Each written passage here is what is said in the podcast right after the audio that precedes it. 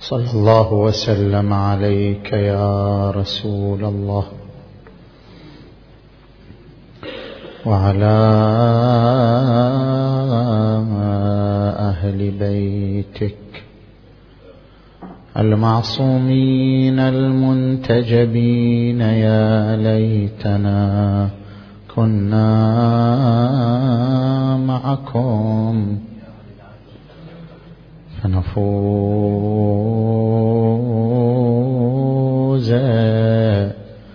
فوزا عظيما.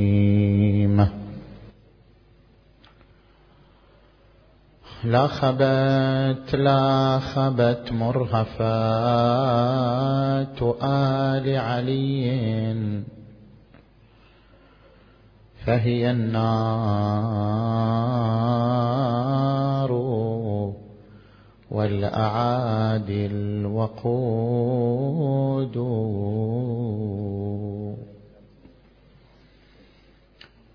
ملأوا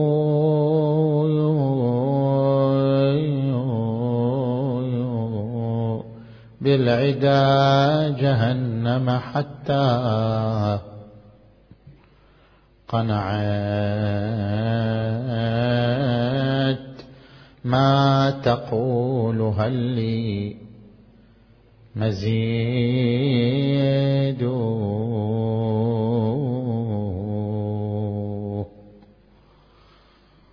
ومذل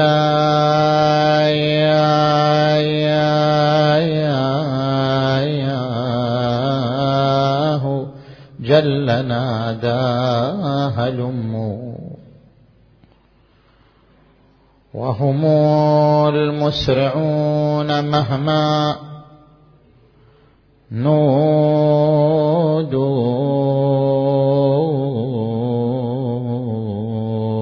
نزلوا عن خيولهم للمنايا.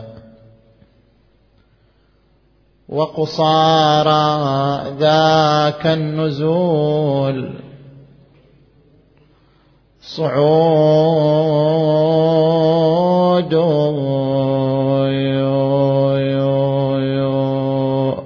فقضى والصدور منهم تلظى. بضرام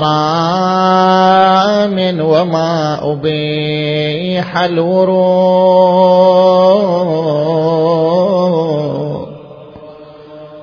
الورود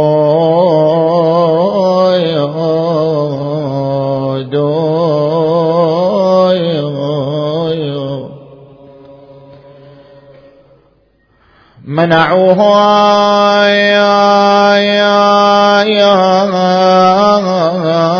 منعوهم برودهم وعليهم يوم ماتوا من الحفاظ بروي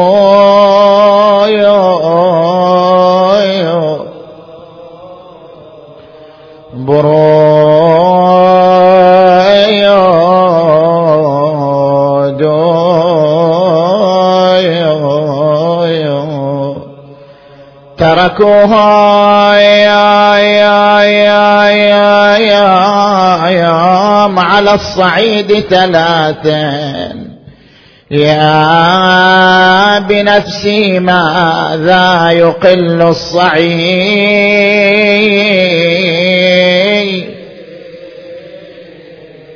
الصعيد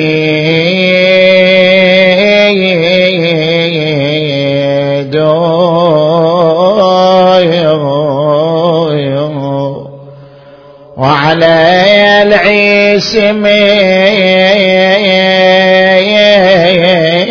بنات علي. نوحان كل لفظها يا يا تعديل.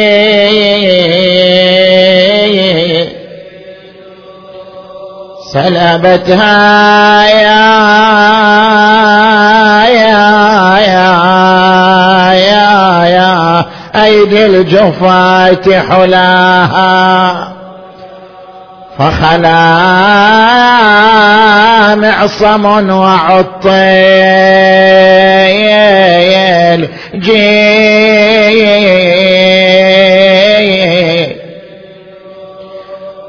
وعليها السياط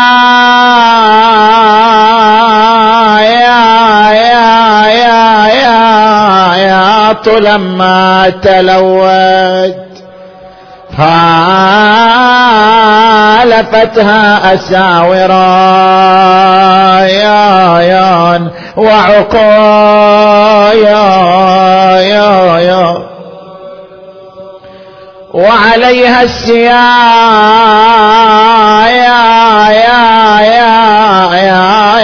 لما تلوت. خالفتها أساورا يا وعقايا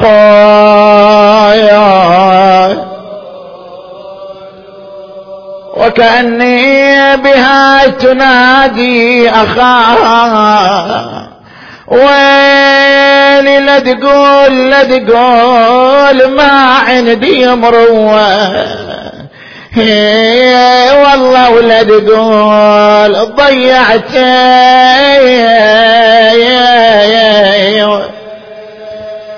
ضيعت. الأخوة ترى زجرين سحبني اليوم قوة وساط على متن تلوى.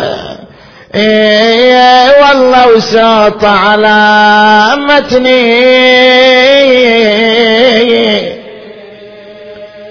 متني تلوى أعوذ بالله من الشيطان الغوي الرجيم. بسم الله الرحمن الرحيم. ألف لام ميم. ذلك الكتاب لا ريب فيه. هدى للمتقين الذين يؤمنون بالغيب ويقيمون الصلاة ومما رزقناهم ينفقون. آمنا بالله صدق الله العلي العظيم.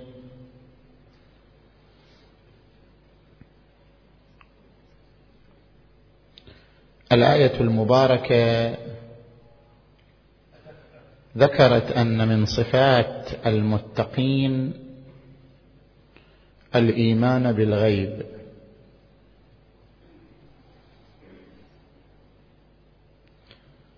فما هو الغيب؟ وما هو المصداق الواضح للغيب الذي نصت عليه الآية المباركة؟ هناك غيب وهناك شهادة. كل ما يناله الإنسان بحواسه الخمس فهو شهادة. وكل ما لم ينله الإنسان بإحدى حواسه الخمس فهو غيب. لذلك فالغيب واقع ضروري. لا مجال لإنكاره. مثلا أنت الجالس أمامي. جسدك وصورتك تعتبر شهادة لأنني يمكن أن أنال صورتك وشكلك بحاسة من إحدى الحواس الخمس. أما روحك التي وراء هذا الجسد روحك التي يعكس جسدك حياتها وبقاءها فإن روحك لا أستطيع أن أنالها بإحدى الحواس الخمس. وإنما أستدل عليها من خلال آثارها ومن خلال انعكاساتها. فالروح ليست من عالم الشهادة بل هي من عالم الغيب لأننا لا لا لا لا, لا ننالها. بإحدى الحواس الخمس. فهناك شهادة وهي الجسد وهناك غيب وهو الروح. فالغيب كالروح أمر ضروري واقع نستدل عليه من خلال آثاره ونستدل عليه من خلال انعكاساته. لكنه لأنه لا ينال بالحواس الخمس يعتبر غيبا. ما هو المصداق البارز لعنوان الغيب في الآية المباركة؟ ألف لام ميم. ذلك الكتاب لا ريب فيه هدى للمتقين. أول صفة من صفات المتقين الإيمان بالغيب الذين يؤمنون بالغيب. ما هو المصداق البارز للإيمان بالغيب؟ كما يسمى التفسير المصداقي للآية المباركة. الغيب المهدي المنتظر عجل الله تعالى فرجه الشريف.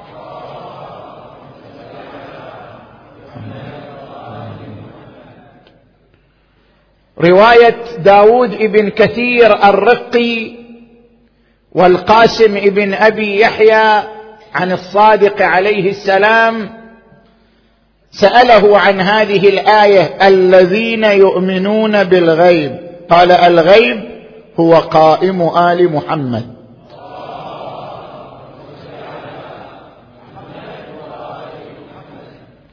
وشاهد ذلك يعني الإمام الصادق نفسه يستدل على تفسيره هذا. وشاهد ذلك قوله عز وجل في آية أخرى وقالوا لولا أنزل عليه آية من ربه فقل إنما الغيب لله فانتظروا إني معكم من المنتظرين. الإمام الصادق يفسر لنا معنى هذه الآية يقول الغيب على نوعين غيب لا ينتظر وغيب ينتظر. هناك قسم من الغيب لا ينتظر يعني لا يمكن أن يتحقق في الحياة الدنيا وإنما يتحقق فيما بعد الحياة الدنيا. عذاب القبر عذاب البرزخ الميزان الحساب هذا من الغيب لكنه غيب لا ينتظر لأنه لا يتحقق في الحياة الدنيا. وهناك غيب ينتظر أي أنه سيتحقق في الحياة الدنيا قبل الآخرة. وهذا الغيب الذي ينتظر هو قائم آل محمد.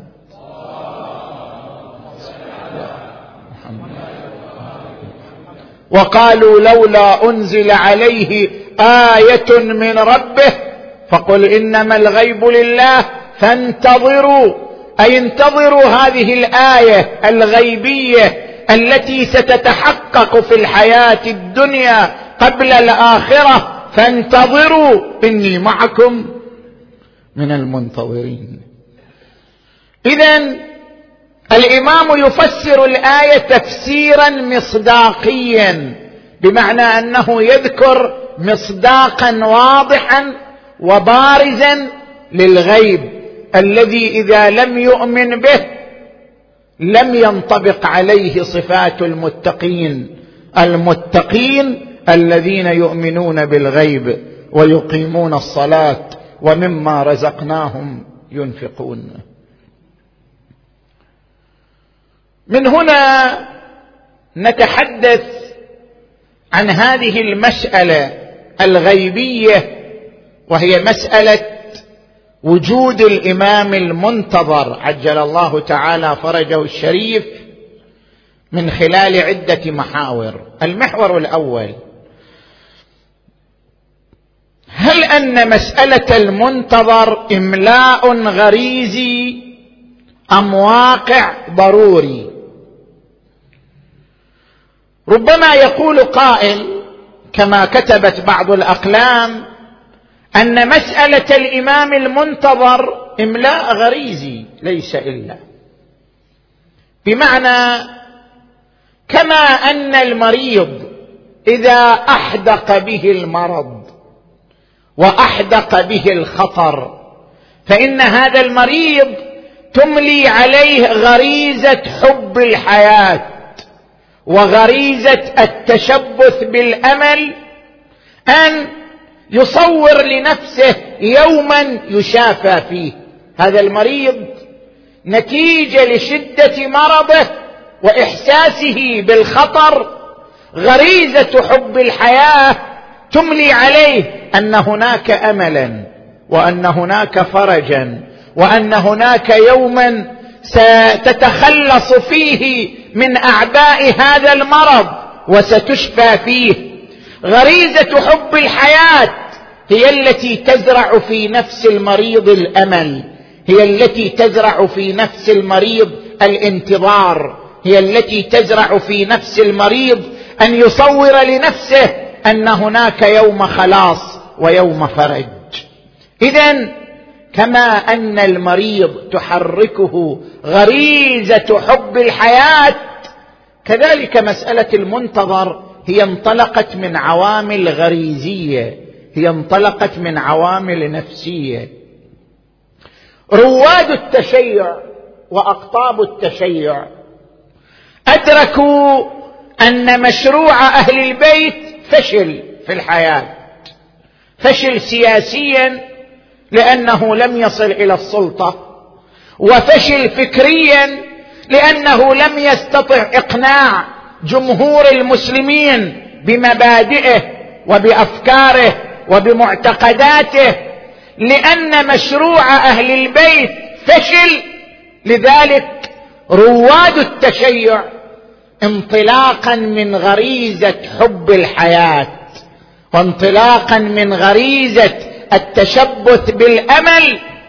اخترعوا هذه الفكرة وهي أن هناك يوما يظهر فيه مخلص ينقذ الناس من الظلم والجور ويعيد مشروع أهل البيت إلى الحيوية والتجدد ويطبقه على أرجاء الأرض كلها. ففكرة المهدي فكرة اخترعها رواد التشيع انطلاقا من عامل نفسي وهو عامل الإحساس بإخفاق المشروع. وبفشل المشروع فاخترعوا هذه الصورة الجميلة المضيئة ليوم يظهر فيه رجل من أهل البيت ليعيد الحياة والنشاط لهذا المشروع ألا وهو مشروع أهل البيت صلوات الله وسلامه عليهم أجمعين. اذا هذه المقالة تقول ليس هناك واقع ضروري وليس هناك واقع موضوعي لمسألة المهدي المنتظر وإنما هي إملاء غريزي كما ذكرنا. من هنا نحن نسلط الضوء على مناقشة هذه المقالة. اولا لو كانت فكرة المهدي المنتظر نابعة من إملاءات غريزية وهي الإحساس بالفشل والإخفاق. لكان اليهود هم أولى بفكرة المنتظر من غيرهم. لما؟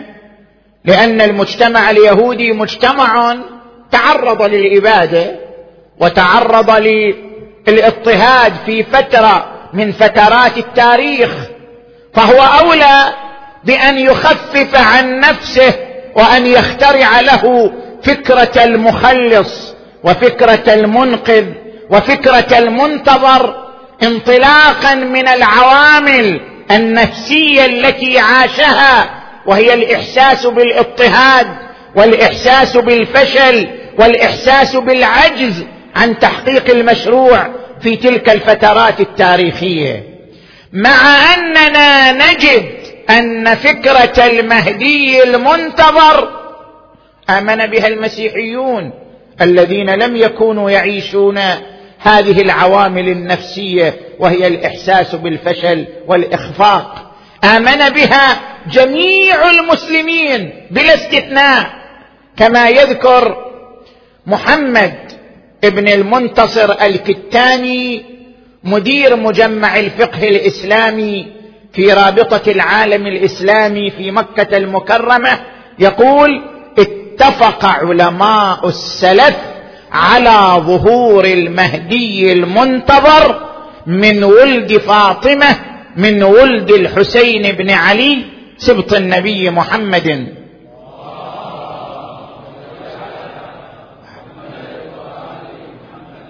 وذكر أن ابن القيم وأحمد والشوكاني والسيوطي وابن حجر الهيثمي وابن حجر العسقلاني أفادوا بأن الأحاديث في ظهور المهدي متواترة ومقطوع بها ولا كلام فيها ولم يخالف في ذلك إلا ابن خلدون وهو من أعلام القرن التاسع وأحمد أمين في كتابه المهدي والمهدوية أو في كتابه ضحى الإسلام وإلا فاتفاق علماء السلف على مسألة المهدي المنتظر.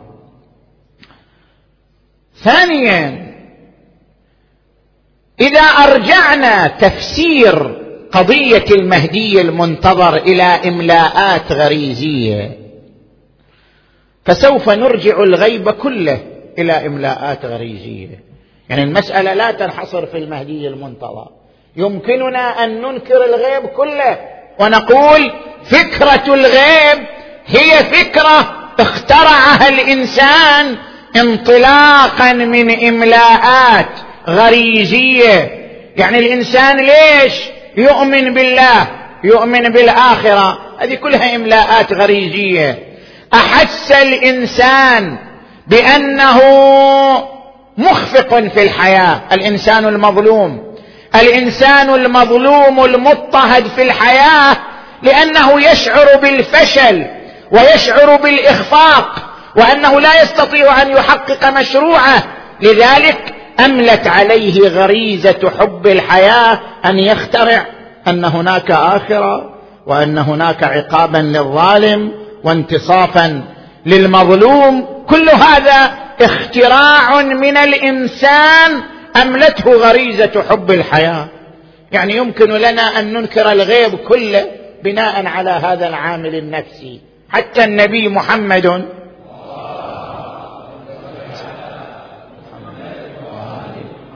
يمكن أن نقول النبي أيضا لعامل سياسي تكتيكي هو الذي اخترع اخترع فكرة القبر وعذاب القبر وفكرة الآخرة والميزان والصراط والحساب كل ذلك اخترعه من أجل أن يلقن الناس طاعة أوامره واتباع أحكامه. اذا إرجاع فكرة المهدي المنتظر إلى عوامل غريزيه تنسحب على كل مصاديق الغيب. وتنسحب على كل أمثلة الغيب بلا استثناء. زين؟ نجي الآن إلى الوجه الثالث. لاحظوا يا إخوان ركزوا معي على هذا الوجه الثالث وهو المهم. المحور الثاني هو إثبات أن المهدي المنتظر واقع ضروري. وليس مسألة ترتبط بإملاءات غريزية ولا بتلقينات نفسية ولا بعوامل إعلامية. لماذا؟ نحن عندنا الدليل الوحيد. الدليل الوحيد لإثبات الأشياء هو دليل حساب الاحتمالات. هذا دليل رياضي ينتج اليقين الرياضي. هذا الدليل الوحيد لإثبات الأشياء. أدنى قضية أبسط قضية إحنا نثبتها بدليل حساب الاحتمالات. كيف؟ أنا أضرب لك مثال. أنت الآن موجود أمامي. شلون أثبت أنك موجود أمامي؟ يمكن ما موجود. يمكن أنا عيني غلطانة. نظير من يرى السراب ويحسبه ماء. زين؟ كسراب بقيعة يحسبه الظمآن ماء. كيف أثبت أنك موجود أمامي؟ كيف؟ ما عندي دليل على أنك موجود أمامي إلا دليل حساب الاحتمالات. الدليل الوحيد هذه أبسط قضية وهو أنك جالس أمامي. أبسط قضية ما أقدر أثبتها إلا من خلال دليل حساب الاحتمالات. زين؟ ما هو دليل حساب الاحتمالات؟ دليل حساب الاحتمالات عبارة عن تراكم الاحتمالات في محور معين إذا تراكمت القرائن في محور معين حصل اليقين الرياضي بذلك المحور. كم طبقة الآن؟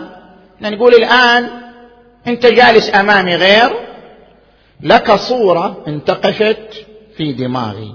شفتك صارت لك صورة مرتسمة في دماغي. هذه قرينة. على أنك موجود. هذه القرينة تعطيني ثلاثين بالمئة أنك موجود. سمعت صوتك. هذه قرينة أخرى أعطتني ثلاثين بالمئة أخرى أنك موجود. زين؟ صار بيني وبينك احتكاك بيد أو بلسان. هذه قرينة ثالثة. اذا هذه القرائن كلما جاءت قرينة تصاعد الاحتمال. قرينة الصورة قرينة الصوت قرينة الاحتكاك هذه القرائن تراكمت في محور معين وهو وجودك أمامي. نتيجة تراكم القرائن في هذا المحور المعين وصلت إلى اليقين الرياضي بأنك موجود أمامي. اذا وجودك أمامي أنا ما أقدر أثبت إلا من خلال دليل حساب الاحتمالات. يعني تراكم القرائن التي ينتج تراكمها يقينا رياضيا بوجودك. هذه أبسط قضية ما نقدر نثبتها إلا من دليل حساب الاحتمالات. فكيف بغيرها؟ نجي الآن مثلا نقول التاريخ يتحدث عن الإمام الشافعي. زين؟ هل الإمام الشافعي موجود أو أسطورة؟ جوز هذه أسطورة مختلقة ما إليها وجود. كيف نثبت وجود شخص اسم الإمام الشافعي محمد بن إدريس؟ من خلال دليل حساب الاحتمالات. ما نقدر نثبت وجوده إلا من خلال دليل حساب الاحتمالات؟ كيف؟ نقول هناك قرائن اجتمعت واجتماعها أعطى يقينا رياضيا بوجود شخص اسمه الإمام الشافعي. القرينة الأولى علماء الأنساب. هم نصوا على أن هناك شخص ولد سنة كذا توفي سنة كذا اسمه محمد بن إدريس الشافعي. زين؟ هذه قرينة. صار عندنا ثلاثين بالمئة. احتمال وجود. القرينة الأخرى الكتب. وصلت إلينا كتب تحمل اسمه وتحمل خطه وتحمل كلامه. هذه قرينة أخرى. انضمت إلى الأولى تصاعد الاحتمال وصل إلى ستين بالمئة أنه موجود. القرينة الثالثة تلامذته الذين درسوا على يديه وانتهلوا من علمه نقلوا لنا وجوده وأنه عاش في أيام كذا وفترة كذا. تصاعد الاحتمال إلى أن أصبح عندنا يقين رياضي بوجود شخص اسمه الإمام الشافعي. اذا إثبات الإمام الشافعي بدليل حساب الاحتمالات. تراكمت القرائن وتعاضدت إلى أن أنتجت لنا يقينا بوجوده. نفس هذا الدليل يا إخوان لاحظوا معي وركزوا معي. نفس هذا الدليل دليل حساب الاحتمالات هو الذي نتبعه لنثبت وجود المهدي المنتظر عجل الله تعالى فرجه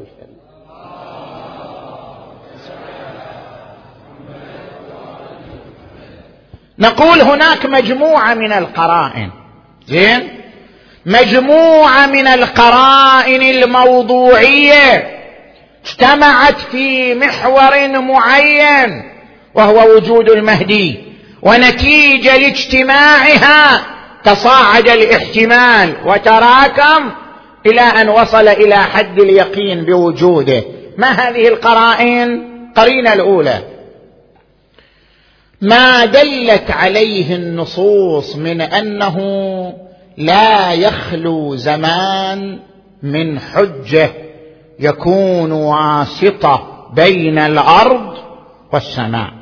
لاحظوا مثلا قوله تعالى إنما أنت منذر ولكل قوم هاد. يعني لا يوجد قوم إلا وقد نصب الله لهم هاديا. مثلا قوله تبارك وتعالى يوم ندعو كل أناس بإمامهم. ليش يدعوهم بإمامهم؟ لأن الإمام وظيفته أن يشهد على قومه الذين عاشوا معهم. وكذلك جعلناكم أمة وسطا لتكونوا شهداء على الناس ويكون الرسول عليكم شهيدا. وكنت شهيدا عليهم ما دمت فيهم فلما توفيتني كنت أنت الرقيب عليهم. اذا لأن الإمام وظيفته الشهادة على قومه لذلك يوم القيامة يقول يوم ندعو كل أناس بإمامهم الذي كان شاهدا عليهم. وقل اعملوا فسيرى الله عملكم ورسوله والمؤمنون. اذا لكل زمان إمام. وهذا المعنى هو الذي تؤكده الأحاديث الشريفة. حديث الثقلين عن النبي محمد.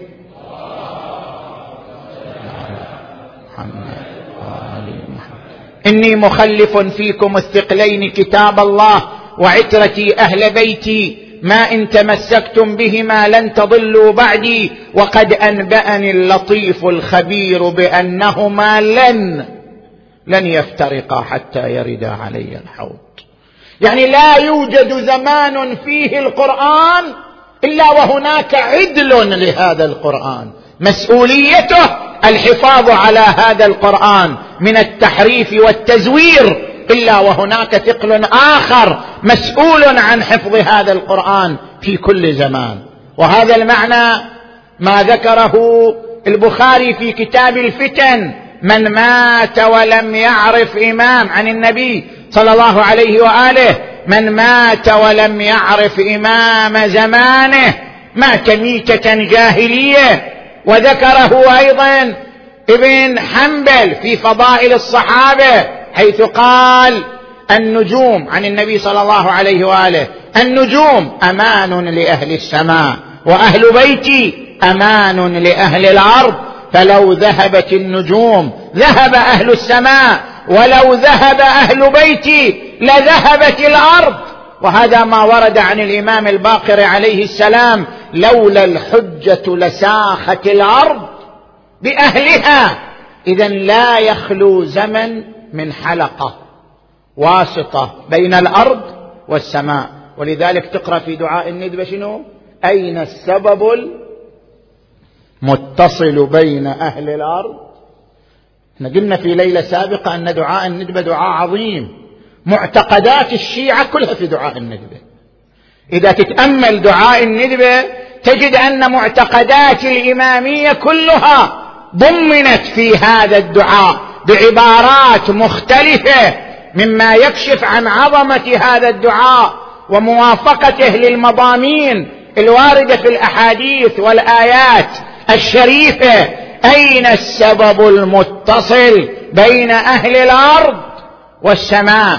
زين؟ اذا القرينة الأولى أن لكل زمان إمام. يحفظ القرآن فمن هو إمام هذا الزمان؟ هذه القرينة الأولى تعطيك عشرة بالمئة عشرين بالمئة احتمال وجود إمام واقعي من قبل الله تبارك وتعالى لهذا الزمان. زين؟ نجي إلى القرينة الثانية.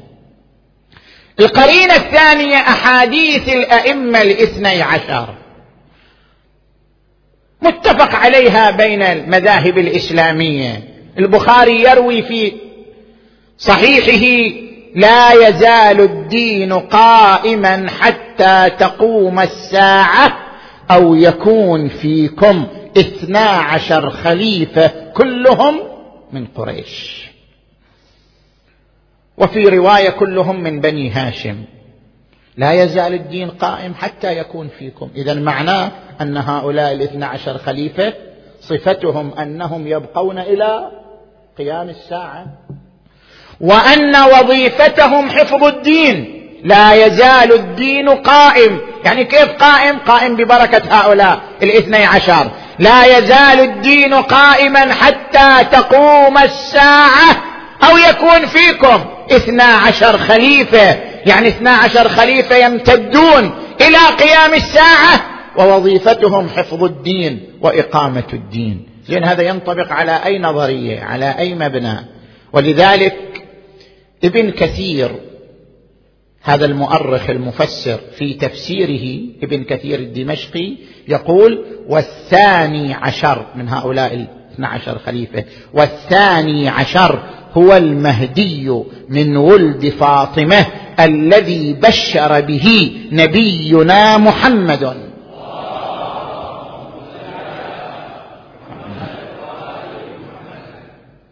إذا هذه قرينة ثانية. تؤيد احتمال وجود الإمام الباقي إلى قيام الساعة الذي وظيفته حفظ الدين وإقامته.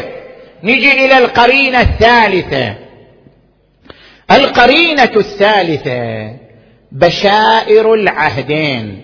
يعني شنو بشائر العهدين؟ ترى مسألة المهدي المنتظر ما جت من النبي صلى الله عليه وسلم من قبل النبي. موجود نصوص تدل على مسألة المهدي المنتظر. راجع كتاب المسيح الدجال للدكتور سعيد أيوب. راجع كتاب أنيس الإسلام للشيخ محمد فخر الإسلام. راجع مثلا كتاب البراهين الساباطية للقاضي الساباطي الحنفي.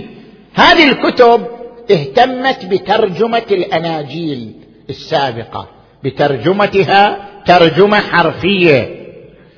هؤلاء ذكروا أن اشعيا في العهد القديم وكذلك في سفر الرؤيا في مكاشفات يوحنا اللاهوتي وسفر الرؤيا من إنجيل متى هذه كلها كتب تتعلق بالفكر المسيحي. تذكر تنبؤات اشعياء شنو يصير؟ شنو يحصل؟ من تنبؤاته أن هناك باركليت. أول باركليت ثاني باركليت يعني محمد أو أحمد. هو في الأرض محمد وفي السماء أحمد.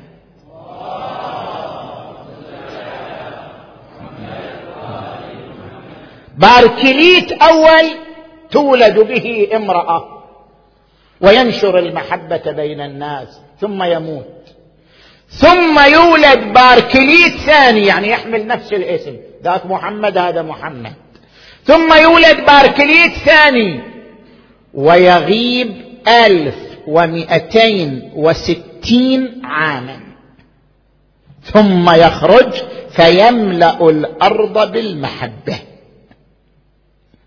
هذه التنبؤات الموجودة في بشائر العهدين لا تنطبق إلا على نظرية الإمامية في المهدي المنتظر عجل الله تعالى فرجه الشريف.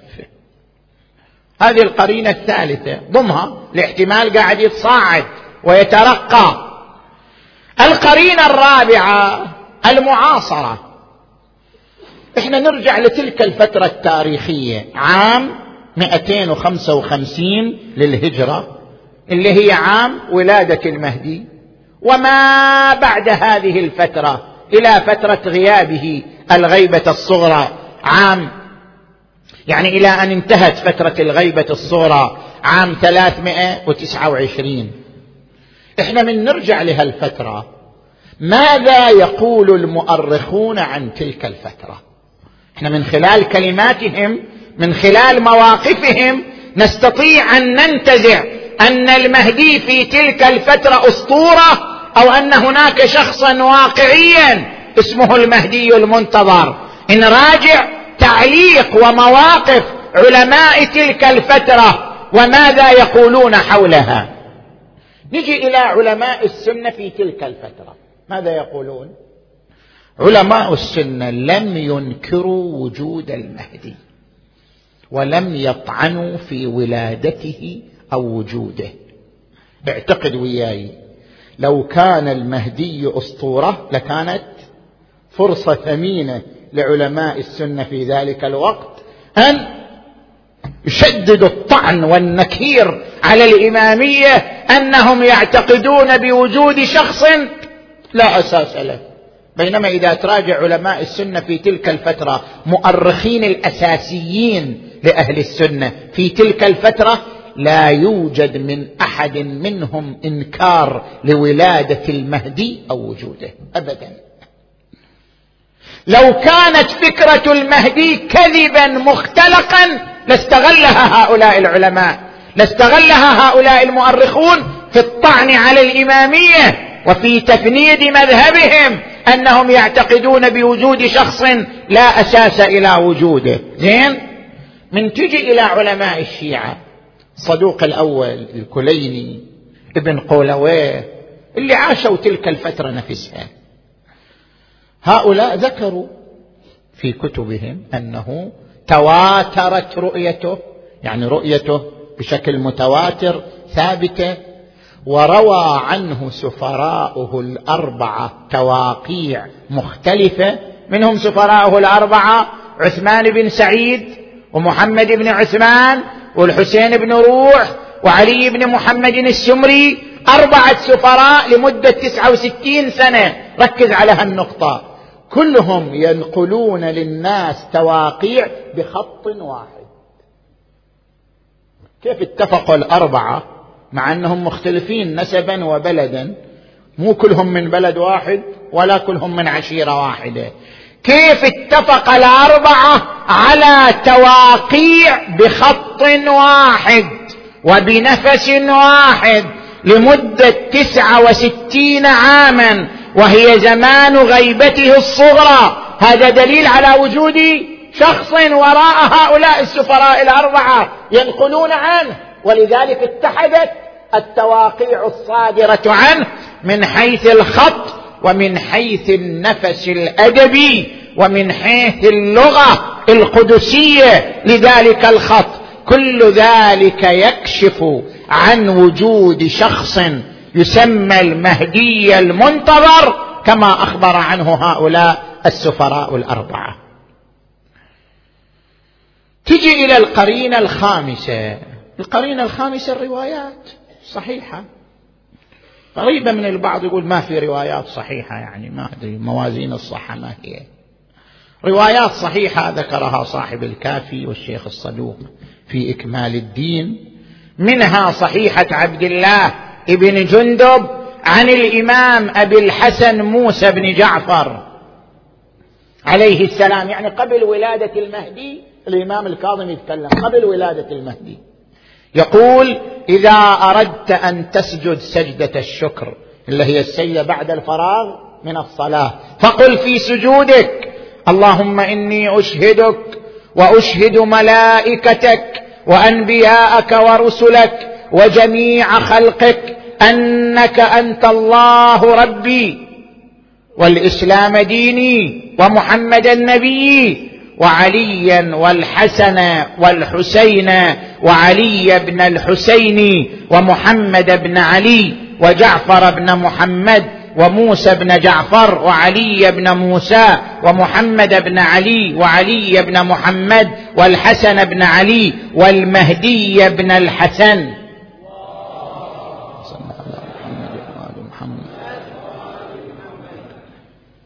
أئمتي وحجتي بهم أتولى ومن أعدائهم أتبرأ. ولاية وبراءة.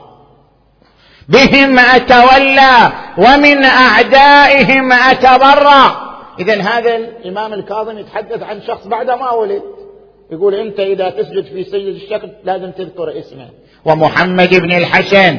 زين؟ قبل ما يولد الإمام الكاظم يرشد إلى وجوده وإلى ولادته وكثير عندنا من الروايات التي تحدثت عنه قبل وجوده. ربما في الليالي القادمة أذكر لك كيف تعظيم الأئمة. الإمام الصادق شلون يعظم الإمام المنتظر؟ والإمام الكاظم والرضا شلون يعظم الإمام المنتظر؟ قبل وجوده مما يدل على عظمته صلوات الله وسلامه عليه وعلى آبائه. اذا هناك روايات صحيحة تؤكد وجوده وولادته. زين؟ نجي إلى القرينة السادسة. شهادة علماء الأنساب. طيب كل قضية إليها أهل اختصاص وإليها أهل فن. إذا عندنا قضية طبية نرجع لأهل الاختصاص وهم علماء الطب. إذا عندنا قضية فقهية نرجع لأهل الاختصاص وهم الفقهاء. إذا عندنا قضية أدبية نرجع لعلماء الأدب. كل قضية لها أهل اختصاص وعلماء. هذه القضية هل هناك شخص ولد اسمه محمد بن الحسن؟ هذه قضية تاريخية. يرجع لأهل الاختصاص علماء النسب. من ترجع إلى علماء النسب تلاحظ ما حد أنكر الوجود. هذا كله جبن المتأخرين من أحمد أمين ومن ابن خلدون. ما أحد من علماء النسب إنسان يعتد به أنكر وجود الإمام أو ولادة الإمام. لاحظ مثلا عندما تجي إلى أبو نصر سهل بن عبد الله البخاري من علماء النسب في القرن الرابع الهجري في كتابه سر السلسلة العلوية. عندما تلاحظ السيد العمري من أعلام القرن الخامس في كتابه المجدي في أنساب الطالبيين عندما تلاحظ الفخر الرازي الشافعي من أعلام القرن السابع في كتابه الشجرة المباركة في أنساب الطالبية عندما تلاحظ أبو الحسن الصنعاني اليمني من أعلام القرن الثالث عشر في كتابه روضة الألباب في أنس روضة الألباب في انساب العرب كلهم ينصون على ولادة شخص اسمه محمد ابن الحسن العسكري. وليس هؤلاء من الشيعة ولا لهم ربط بالشيعة. زين؟ هذه القرينة السادسة. القرينة السابعة علماء المسلمين كيف تعاملوا مع قضية وجود المهدي المنتظر؟ عجل الله تعالى فرجه الشريف. أبو هارون الرياني من علماء القرن الخامس. وابن خلكان في وفيات الأعيان من علماء القرن السابع. والذهبي المسعودي من علماء القرن الثامن. وابن الوردي وكذلك ابن حجر الهيثمي من علماء القرن العاشر. كلهم نصوا على أنه ولد شخص اسمه محمد ابن الحسن المهدي. سنة 255 للهجرة وهو الثاني عشر من أئمة الرافضة.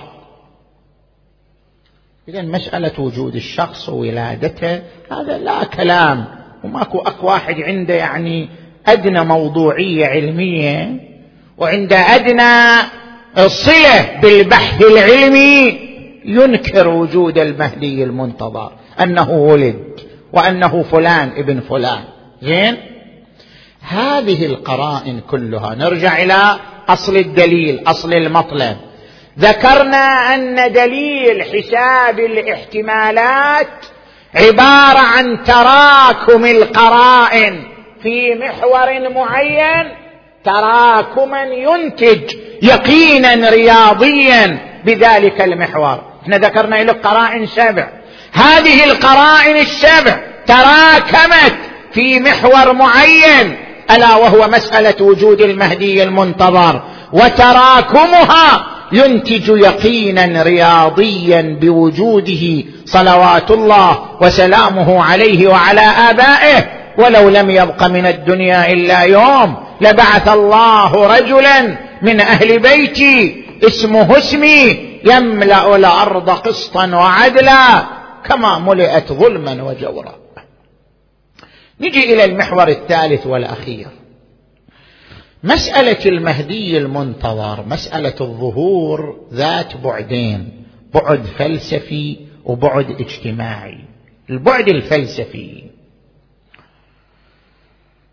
البعد الفلسفي يقرره العقل. ما هو الهدف من وجود الحياة؟ ليش الله خلق الحياة؟ قوترا الشكل يعني. لماذا خلق الله الحياة؟ هو الذي خلق الموت والحياة ليبلوكم أيكم أحسن عملا. خلقت الحياة لأجل أن تنتصر العدالة على الظلم وأن تنتصر الفضيلة على الرذيلة. يعني لا بد من يوم تنتصر فيه هذه القيم وإلا لكان وجود الحياة عبثا ولغوا. يعني الحياة هذه الطول وكل ظلم كل اضطهاد وما في انتصار للعدالة وما في انتصار للفضيلة وما في انتصار للقيم الإنسانية. اذا وجود الحياة لغو وعبث. لولا وجود يوم تنتصر فيه القيم الإنسانية وتنتصر فيه الفضيلة على الرذيلة والعدالة على الظلم لكان وجود الحياة لغوا وعبثا واللغو والعبث لا يصدر من الحكيم تبارك وتعالى ولقد أرسلنا رسلنا بالبينات وأنزلنا معهم الكتاب والميزان ليقوم الناس بالقسط. يعني إحنا هدفنا من هالرسالات كلها أن تقوم العدالة على الأرض. إذا ما في يوم تقوم العدالة فيه على الأرض وما في مهدي. اذا بعث الرسل والأنبياء كله لغو والهدف ما تحقق. الهدف من بعث الرسل والأنبياء قيام القسط على الأرض قيام العدالة على الأرض. لو لم يكن هناك يوم تقوم فيه العدالة على الأرض لكان وجود الحياة قبيحا ووجود الأنبياء والرسل والكتب قبيحا لأنه ليس هناك يوم ينطبق فيه هذا الهدف المجيد والهدف العظيم. زين؟ هذا البعد الفلسفي باختصار البعد الاجتماعي. البعد الاجتماعي شوف الفيلسوف الفرنسي راسل الفيلسوف الإنجليزي برنارد شو حتى إنشتاين هذا العالم الفيزيائي المعروف كلهم تحدثوا عن عامل اجتماعي يفرض ظهور المهدي المنتظر. عبر عنه بثورة أممية. شلون يعني ثورة أممية؟ سنن التاريخ هذا مصطلح في علم الاجتماع سنن التاريخ. سنن التاريخ يعني أن التاريخ لا يمشي بالصدفة. تاريخ تحرك سنن تحرك عوامل. تاريخ ما يمشي بالصدفة وحي الله لا. التاريخ يتحرك انطلاقا من عوامل موضوعية تبعث مسيرة التاريخ. شلون؟ من هذه السنن سنن التاريخ أن البقاء للأقوى الأقوى هو الذي يبقى. هذه سنة من سنن التاريخ. من هذه السنن أن الثروة إذا لم توزع توزيعا عادلا يحل الدمار بالمجتمع. ضرب الله مثلا قرية كانت آمنة مطمئنة يأتيها رزقها رغدا من كل مكان فكفرت بأنعم الله فأذاقها الله لباس الجوع والخوف. بما كانوا يصنعون. هذه سنة أخرى. من سنن التاريخ التفت لي من سنن التاريخ ثورة الجوع والخوف. كيف يعني ثورة الجوع والخوف؟ يعني كل مجتمع يسيطر عليه الجوع ويسيطر عليه الخوف. ينفجر هذا المجتمع إلى ثورة جماعية. ثورة الجوع والخوف هذه سنة من سنن التاريخ وهذه السنة عاضدت الأنبياء الأنبياء في حركاتهم الرسالية عاضدتهم ثورة الجوع والخوف. لذلك سيصل هذا إينشتاين يتحدث فيلسوف الفرنسي راسل يتحدث يقول ستصل البشرية إلى يوم تتحقق فيه ثورة أممية. يعني كل الشعوب تثور. نتيجة سيطرة الجوع والخوف. يعني البشرية ستصل إلى يوم تدرك فشل الأنظمة الاقتصادية فشل السياسات المالية والاقتصادية. إذا وصلت البشرية إلى يوم تبحث فيه عن لقمة العيش فلا تجدها وسيطر عليها عامل الجوع والخوف. انفجرت ثورة أممية في الأرض كلها. وهذه الثورة الأممية تمهد لظهور مخلص منتظر. يقوم بقيادة هذه الثورة الأممية. إذا المسألة مسألة عامل اجتماعي. كما أن هناك بعد فلسفي هناك بعد اجتماعي لمسألة ظهور المهدي المنتظر. عجل الله تعالى فرجه الشريف.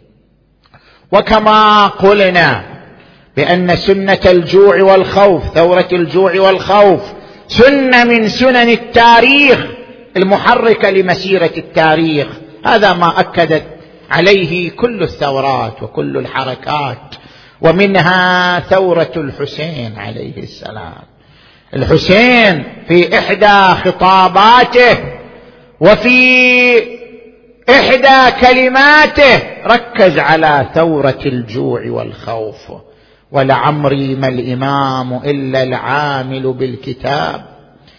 الدائن بالحق القائم بالقسط الحابس نفسه. على ذات الله ألا وإني لا أرى الموت إلا سعادة والحياة مع الظالمين. إلا برما ألا ترون إلى الحق لا يعمل به؟ وإلى الباطل لا يتناهى عنه. ليرغب المؤمن في لقاء ربه. وأبى أن يعيش إلا عزيزا. أو تجلى الكفاح وهو صريع كيف يلوي على الدنية جيدا لسوى الله. ما لواه الخضوع فتلقى الجموع فردا ولكن كل عضو في الروع منه جموع. ثم يقول السيد الحلي قوضي يا خيام عليا نزار فلقد قوض عماد رفيع واملأ العين يا أمية نوما فحسين على الصعيد. صريع. جسده صريع على الثرى ورأسه على رأس الرمح. رأسه على رأس الرمح يتلو كتاب الله يقول زيد بن أرقم رأيت رأس الحسين. رأسا قمريا أزهريا ها؟ والريح تميل شيبته يمينا شمالا. قربت منه. وإذا به يتمتم بين شفتيه أصغيت إليه وإذا به يقول أم حسبت أن أصحاب الكهف والرقيم؟ كانوا من آياتنا عجبا قلت رأسك يا ابن رسول الله. أعجب وأعجب أنت رأس مفصول عن الجسد ها؟ أنت رأس أنت رأس ميت. ومع ذلك انت تنطق القرآن انت تتكلم بالقرآن انت أعجب من أصحاب الكهف والرقيم. رأسك يا ابن رسول الله أعجب وأعجب. وإذا هذا الرأس الشريف موضوع بين يدي يزيد بن معاوية. ساعد الله قلب العقيلة زينب. هذا أخوها العزيز. أخوها القريب إلى نفسها بينما هي واقفة وحولها الأطفال واليتامى. جيء بصندوق وضع بين يدي يزيد بن معاوية. قام يزيد كشف الصندوق رفع المنديل وإذا برأس أبي عبد الله. تشوف هذا الرأس ينظر بطرف خفي إلى عياله ينظر بطرف خفي إلى زينب إلى رباب. إلى سكينة إلى اليتامى والأطفال ها. نظرت إليه العقيلة زينب ها. تريد أن تحتضن الرأس إلى صدرها. تريد تبث أشواقها تريد تبث أحزانها. إلى أخيها الحسين أحدقت اليتامى والأطفال حول الرأس. كل واحدة تنظر إلى عيونه كل واحدة تنظر إلى نظرته. وإذا بيزيد يخرج صوته. ساعد الله قلب العقيلة. ساعد الله قلب سكينة ويضرب به ثناياه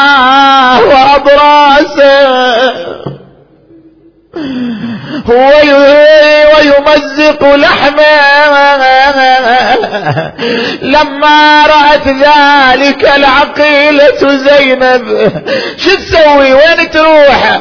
وجهت وجهها نحو الغريين نادت أبا أبا أمير المؤمنين. أنا لا والد لي ولا عم ألوذ به. ولا أخ لي بقي أرجوه ذو رحمي أخي ذبيح ورحلي قد أبيح. وبي ضاق الفسيح واطفالي بغير حمي خويا خويا راسك حين شفته شفته يا يا تلعب عصا يزيد على شفته.